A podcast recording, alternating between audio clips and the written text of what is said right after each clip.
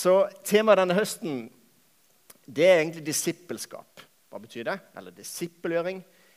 Temaet er å følge Jesus sammen. De første, eller Fram til høstferien så kjører vi det. Å følge Jesus sammen. Og Så kommer det til å være litt undertemaer de ulike gangene framover. Men nå har jeg lyst til å bruke litt mer tid på dette som går på disippelskap, og ikke så mye på akkurat hvordan vi skal gjøre det i dag, siden det første, eh, første tema i denne temaserien. Å følge Jesus sammen. Eh, som far så sønn, er det et uttrykk som heter. Eh, og som far så sønn Jeg har en sønn.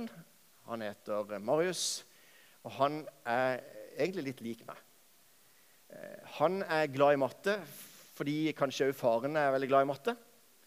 Men siden faren ikke ble siviløkonom, men ble pastor, så må vi ha bibelsk matte. Så da er det hele tida sånn Marius, hvor mye er 70 ganger 7? Det lærte han jo da han var fire år. Jeg skjønner at det er viktig. Eh, kanskje ikke målet med det regnestykket der er å få det til å gå opp, men poenget er at eplet faller ikke så langt fra stammen av og til. Og det må jeg kunne skrive under på også i dette tilfellet med Marius. Vi har noen ting som jeg liker på. Eh, og så ønsker jeg på en måte da å oppdra mine barn. Et veldig rart uttrykk, egentlig. Oppdra. Jeg skal dra opp eh, Marius da, og de to andre barna, Mathea og Malin. Oppdragelse. Åssen gjør man det? Det er jo klin kokos. Nei, det er helt umulig å oppdra sine barn. For de hører ikke hva vi sier, de, de ser på hvordan vi lever. Ikke sant? Og det er ganske avslørende. Men derfor så handler jo egentlig dette med oppdragelse egentlig ikke så mye om å oppdra, men det handler mye mer om det at vi kan disippelgjøre. Jeg har egentlig lyst til at vi skal begynne som foreldre å tenke det at vi kan disippelgjøre våre barn mye mer enn å oppdra dem. Så vet vi at det er mange ting som ikke, ikke akkurat handler om at vi skal være, bli disipler. Eh, som enkle ting som, som, handler bare om hverdagsting. ikke sant? Men allikevel, hvordan gjør vi de hverdagstingene? Hvordan taper du i spill? Huh. Har du tenkt på det? Barna dine vil virkelig se hvordan du taper i spill. Eller når, når, når noen har en veldig dårlig forbikjøring. Du kjører i kø på sommeren, og så kjører de hva, hva, hva, sier du høyt i bilen? Nei, ok, Jeg skal ikke være så personlig nå, direkte. Det er jo ikke det. altså, Oppdragelse er én ting. Gjør sånn og si takk for maten. Og sånt, og det må vi lære oss å si. For vi er så lett for å glemme det. Vi er så lett for å glemme takknemligheten. Vi, bare, vi glemmer å si takk. Og så Derfor sier vi til barna, 'Hva sier du nå?' Og så sier barna 'takk'. Ikke sant? Men det er ikke bare barna som trenger den påminnelsen der. Hva har du sagt i det siste? Hva sier du nå? Denne sommerferien, hva sier du nå? Ikke sant? Vi må jo oppdras, vi også. Så Istedenfor å snakke om oppdragelse av barn, så handler det egentlig om at vi disippelgjøres hele livet. Det er ikke noe vi blir ferdig med. Og kanskje vi trenger å disippelgjøres som voksne i Østsida frikirke. Lære å følge Han. Og Da syns jeg det er utrolig fint at vi kan gjøre det sammen. Å følge Jesus sammen. Nettopp fordi at det er krevende. Og nettopp fordi at når ikke jeg klarer å være et forbilde og se mine barn, så kanskje du kan være så snill å se mine barn litt og heie på det. Så gjør vi det sammen. Så nevnte Renate at vi er faddere for hverandres barn. Og Det syns jeg er utrolig spennende å sette pris på.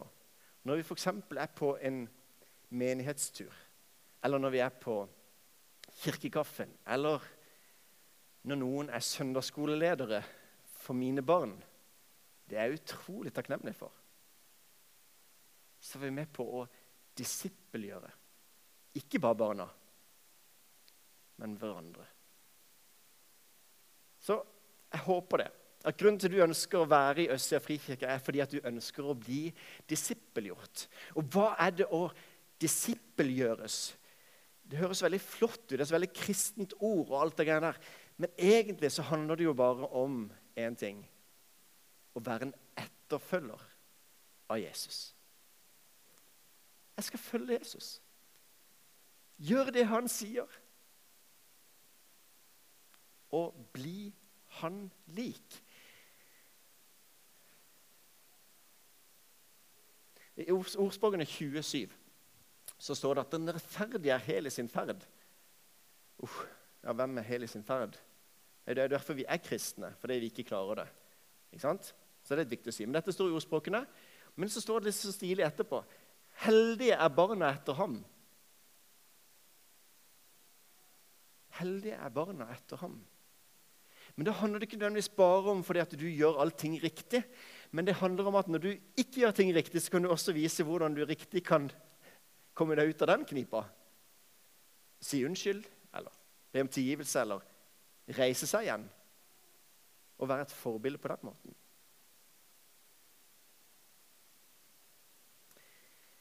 Men Guds plan den er faktisk å disippelgjøre det.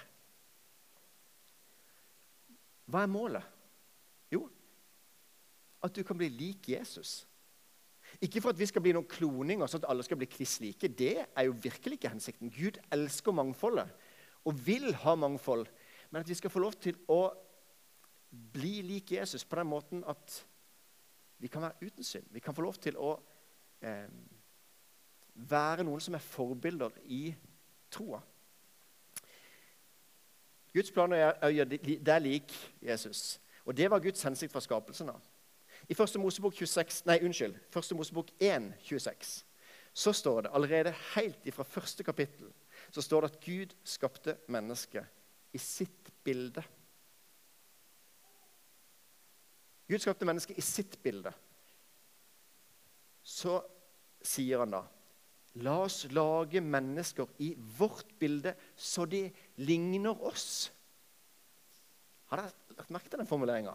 Skape mennesker i vårt bilde, så de ligner oss. Og så må vi glede oss over menneskesynet i kristendom. Noen kan si det at i, kirka så er det bare snakk om synd og sånne ting. Vet du noe? Det er bare virkelig Ingen, la ingen få lov til å tro at det er et negativt menneskesyn i kristendommen. Det er en stor glede å kunne si at vi er skapt lik Gud. Vi er skapt kreative. Det som faktisk er, Jeg kan si et par punkt på det. Vi er verdifulle vesener. Vi er satt over dyrene. Vi er ikke bare dyr. Vi er åndelige vesener. Vår ånd er udødelig og vil faktisk overleve vår jordiske kropp. Vi er intellektuelle. Vi kan tenke fornuftig og kan løse problemer. Vi er relasjonelle. Vi kan gi og motta ekte kjærlighet. Vi er moralsk bevisste. Vi kan skille mellom rett og galt, og som også gjør oss ansvarlige overfor Gud med våre handlinger. Men Det er fantastisk at vi er skapt i, i Guds bilde, men det bildet er på en måte ødelagt. Bildet er blitt ødelagt. Og Derfor er planen gjenopprettelse av dette ødelagte bildet. Jesus sendes til jord for å gjenopprette det ødelagte bildet. Det fullkomne bildet som vi har mista. Hvordan ser det fullkomne bildet ut? Som Jesus. I all vår mangfold.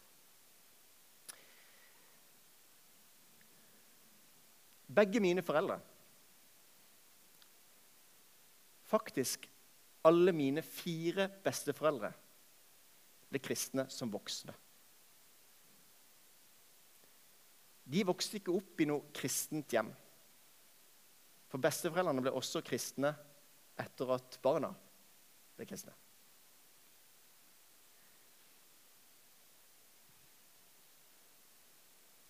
De vokste ikke opp i kristent hjem, men de bygde kristne hjem. Og så var det valget min far eksempel, tok det fikk konsekvenser for hans liv. For livsførselen hans, hva som er viktig i livet, hvordan han leder familiebedriften, arbeidet på bedehuset. Det fikk konsekvenser for familien, mennesker rundt han. Det fikk konsekvenser for moi. Det fikk konsekvenser for meg. Så at jeg har vokst opp i et kristent hjem. Og kan være takknemlig for det. Men min tro er ikke basert på mine foreldres tro.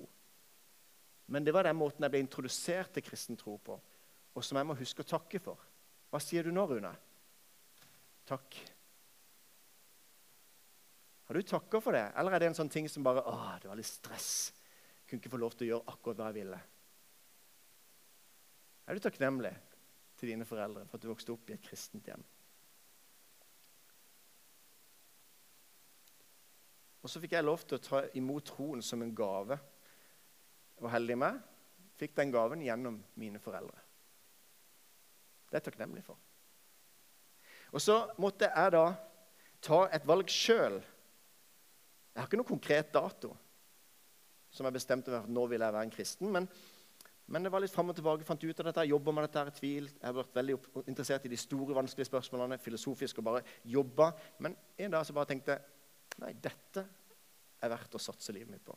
Så tok jeg et valg som fikk konsekvenser for mitt liv. For min livsførsel. Mitt arbeid. Mennesker rundt meg. Og forhåpentligvis for mine barn. Så ønsker jeg, Randi, vi ønsker å bygge et hjem med tro i. Og jeg håper det skal være en grunn som taler for tro til våre barn. Selv mange kan av og til litt flåsete tulle litt med det og si ja, men du er pastorsønnen. ikke sant? Jeg er klar over det. Jeg er klar over det. Men jeg kan ikke noe mer enn å gjøre å være ekte. Så tror jeg kanskje det kan ha vært mange som har opplevd kanskje at ikke det har vært en ekthet, at ikke det har vært samsvar med som skjer i kirka og hjemme. Og tilgi meg for det er jo galt. Men jeg tror i hvert fall, poenget mitt er at jeg ønsker å bygge et hjem med tro i. Ikke for å oppdra mine barn, men for å disippelgjøre mine barn. Og når jeg virkelig driter meg på draget, unnskyld uttrykket, så kan jeg også modellere hvordan jeg gjør det. Er dere med? Så er det litt viktig at eh, da er det viktig for meg at jeg må gi frihet til mine barn. Jeg skal ikke styre deres valg. Og Det er kliss likt sånn som Gud har gitt frihet til oss. Vi har fått frihet til å velge hvordan vi skal leve. Selv om det ville vært det beste, vil jeg, jeg vil si det utvilsomt, at det ville vært det beste hvis Gud bare hadde styrt og, og kontrollert oss, egentlig. Vi hadde fått det bedre. Men friheten er så ufattelig dyrebar, og det kan ikke forenes med kjærlighet. Og Derfor så må våre barn settes i frihet til å gjøre sine valg men jeg har lyst til å være med og påvirke dem til å gjøre et godt valg.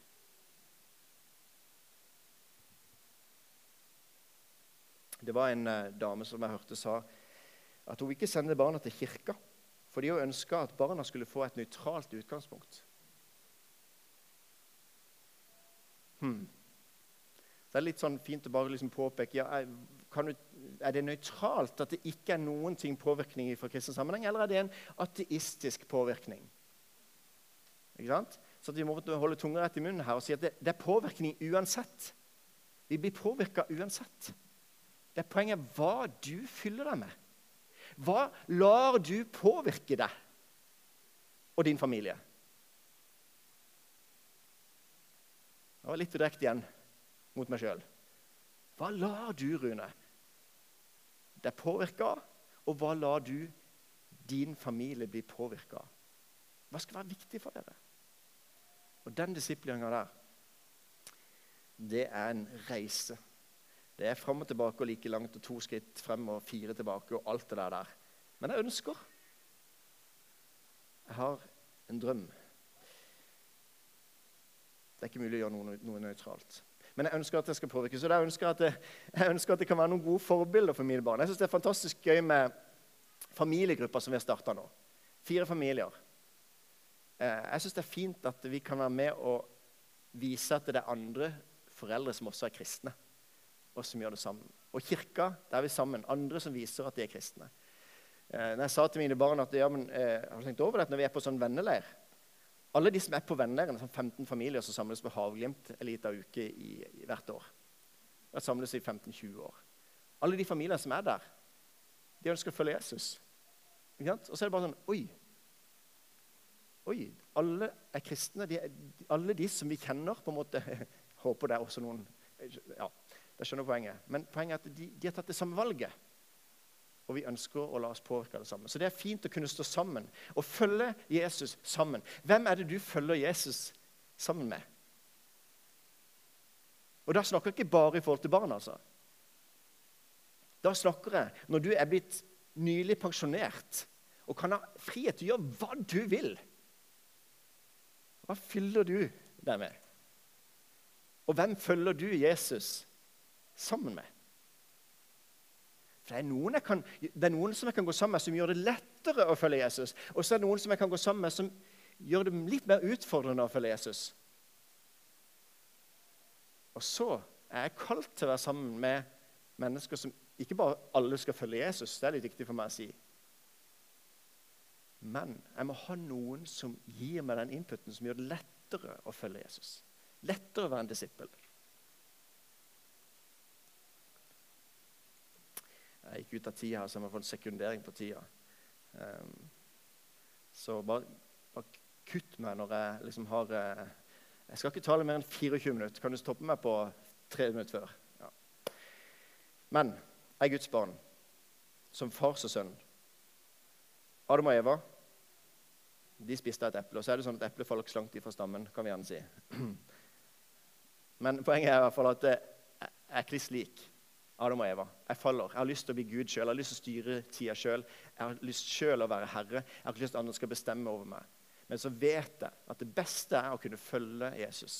Det er det beste for mitt liv. Send deg ut for det. Derfor så ønsker jeg Jeg vil. Jeg, jeg skulle ønske jeg ville ønske at Jeg skulle ønske at jeg ville. I hvert fall.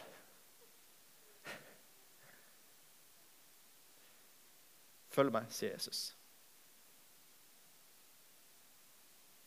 Vi følger Jesus sammen.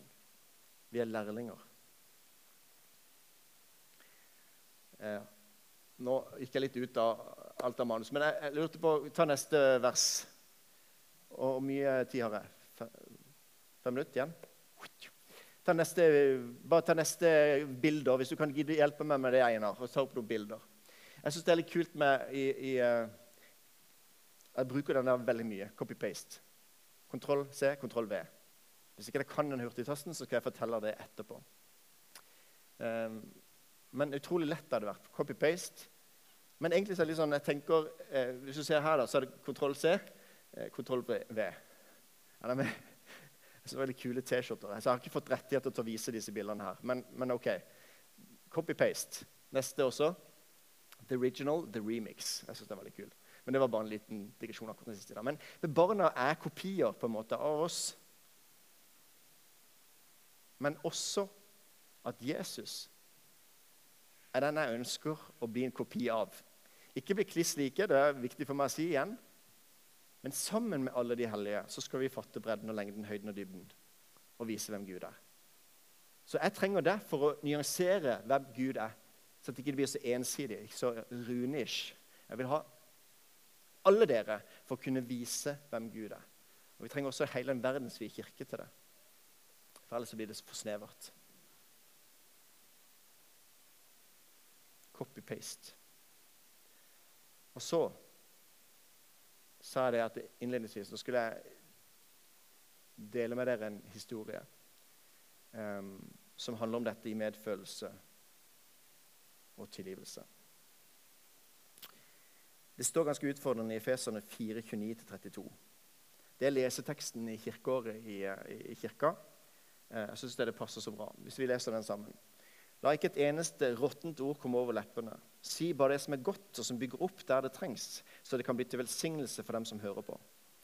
Gjør ikke Guds hellige ånd sorg, for ånden er det seil dere er merket med, helt til frihetens dag.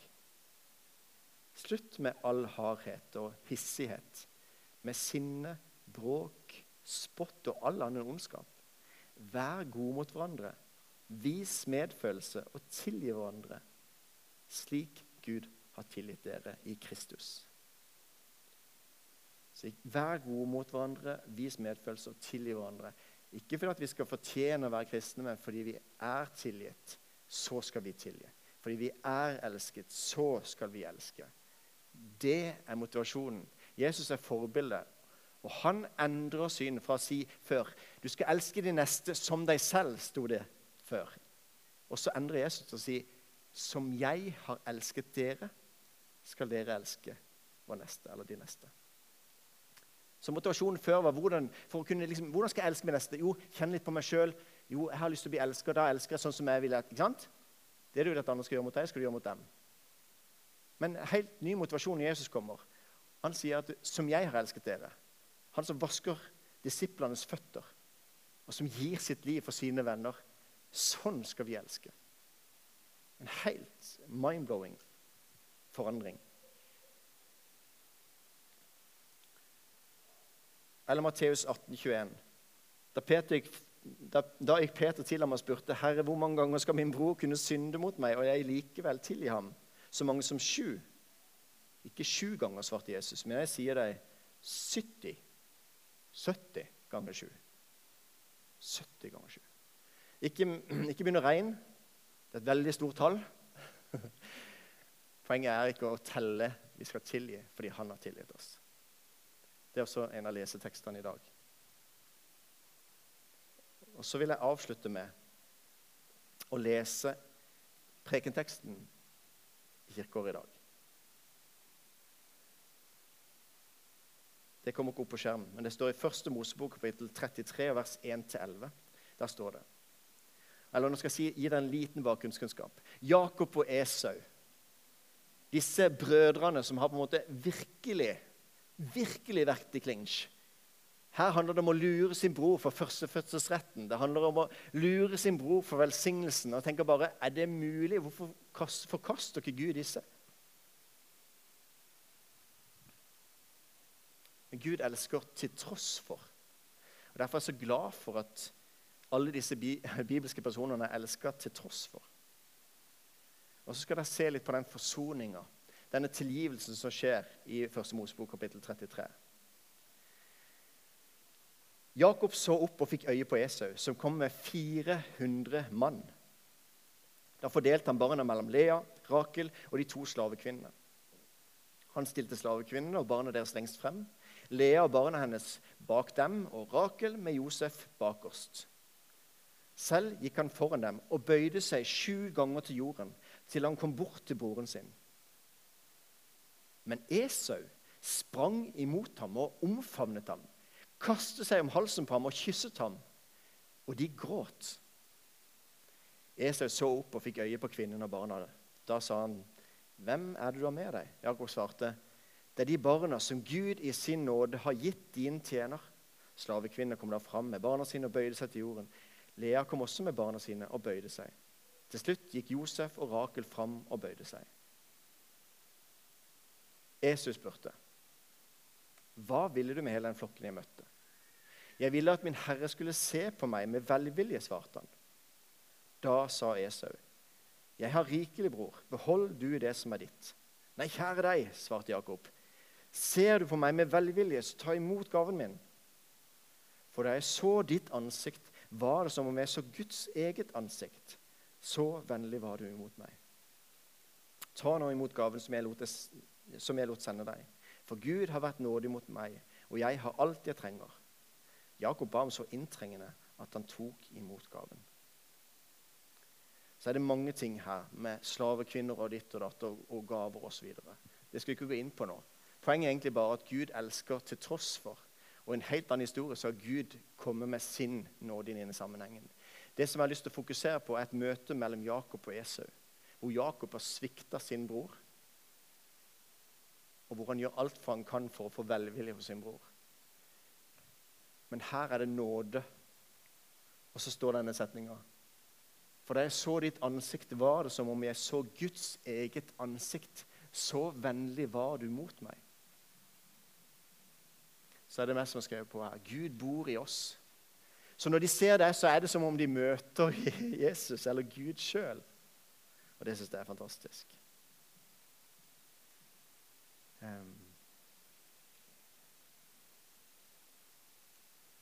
Vi skal elske slik Jesus elsker. Vi skal tilgi slik Jesus tilga.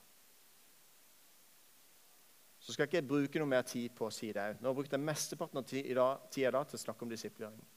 Og jeg ønsker i hvert fall å være ta copy-paste på Jesus. Følge han. Og så ønsker jeg å gjøre det å leve livet mitt sammen med han. Daniel han skal lede oss i en helt ny sang nå. Og den sangen heter 'Jeg overgir meg'. Så står, sier en setning her 'Jeg overgir meg helt til deg'. Og så står det også 'Hele livet vil jeg følge deg'. Så håper jeg at det er flere som har lyst til å synge den sammen, sangen sammen med meg. Og si at 'hele livet vil jeg følge deg'. Og så gjerne vi kan på en måte liksom, La det være en respons. Når du føler at du har lyst til å gjøre det, så reiser du deg så, sier du, jeg, altså, så synger du med på det. For i starten nå her så synger Daniel den alene. Og så inviterer han oss med til å synge på refrenget. Og da hadde det vært fint om du reiste deg, og så sa du det. Og så håper jeg du har lyst til å være med og følge Jesus sammen med meg og sammen med menigheten. Og så hjelper vi hverandre og heier på hverandre. Har du lyst til å gjøre en bestemmelse i forhold til det? Jeg har lyst til å si at jeg har lyst til å ha blanke ark eller lyst til at du bare legger denne høsten her i Guds hender, så vil Bjørg Solli og meg stå bak oss der. Så bare går du bak, og så ber vi en enkel velsignelse, eller ber for noe konkret hvis du ønsker det.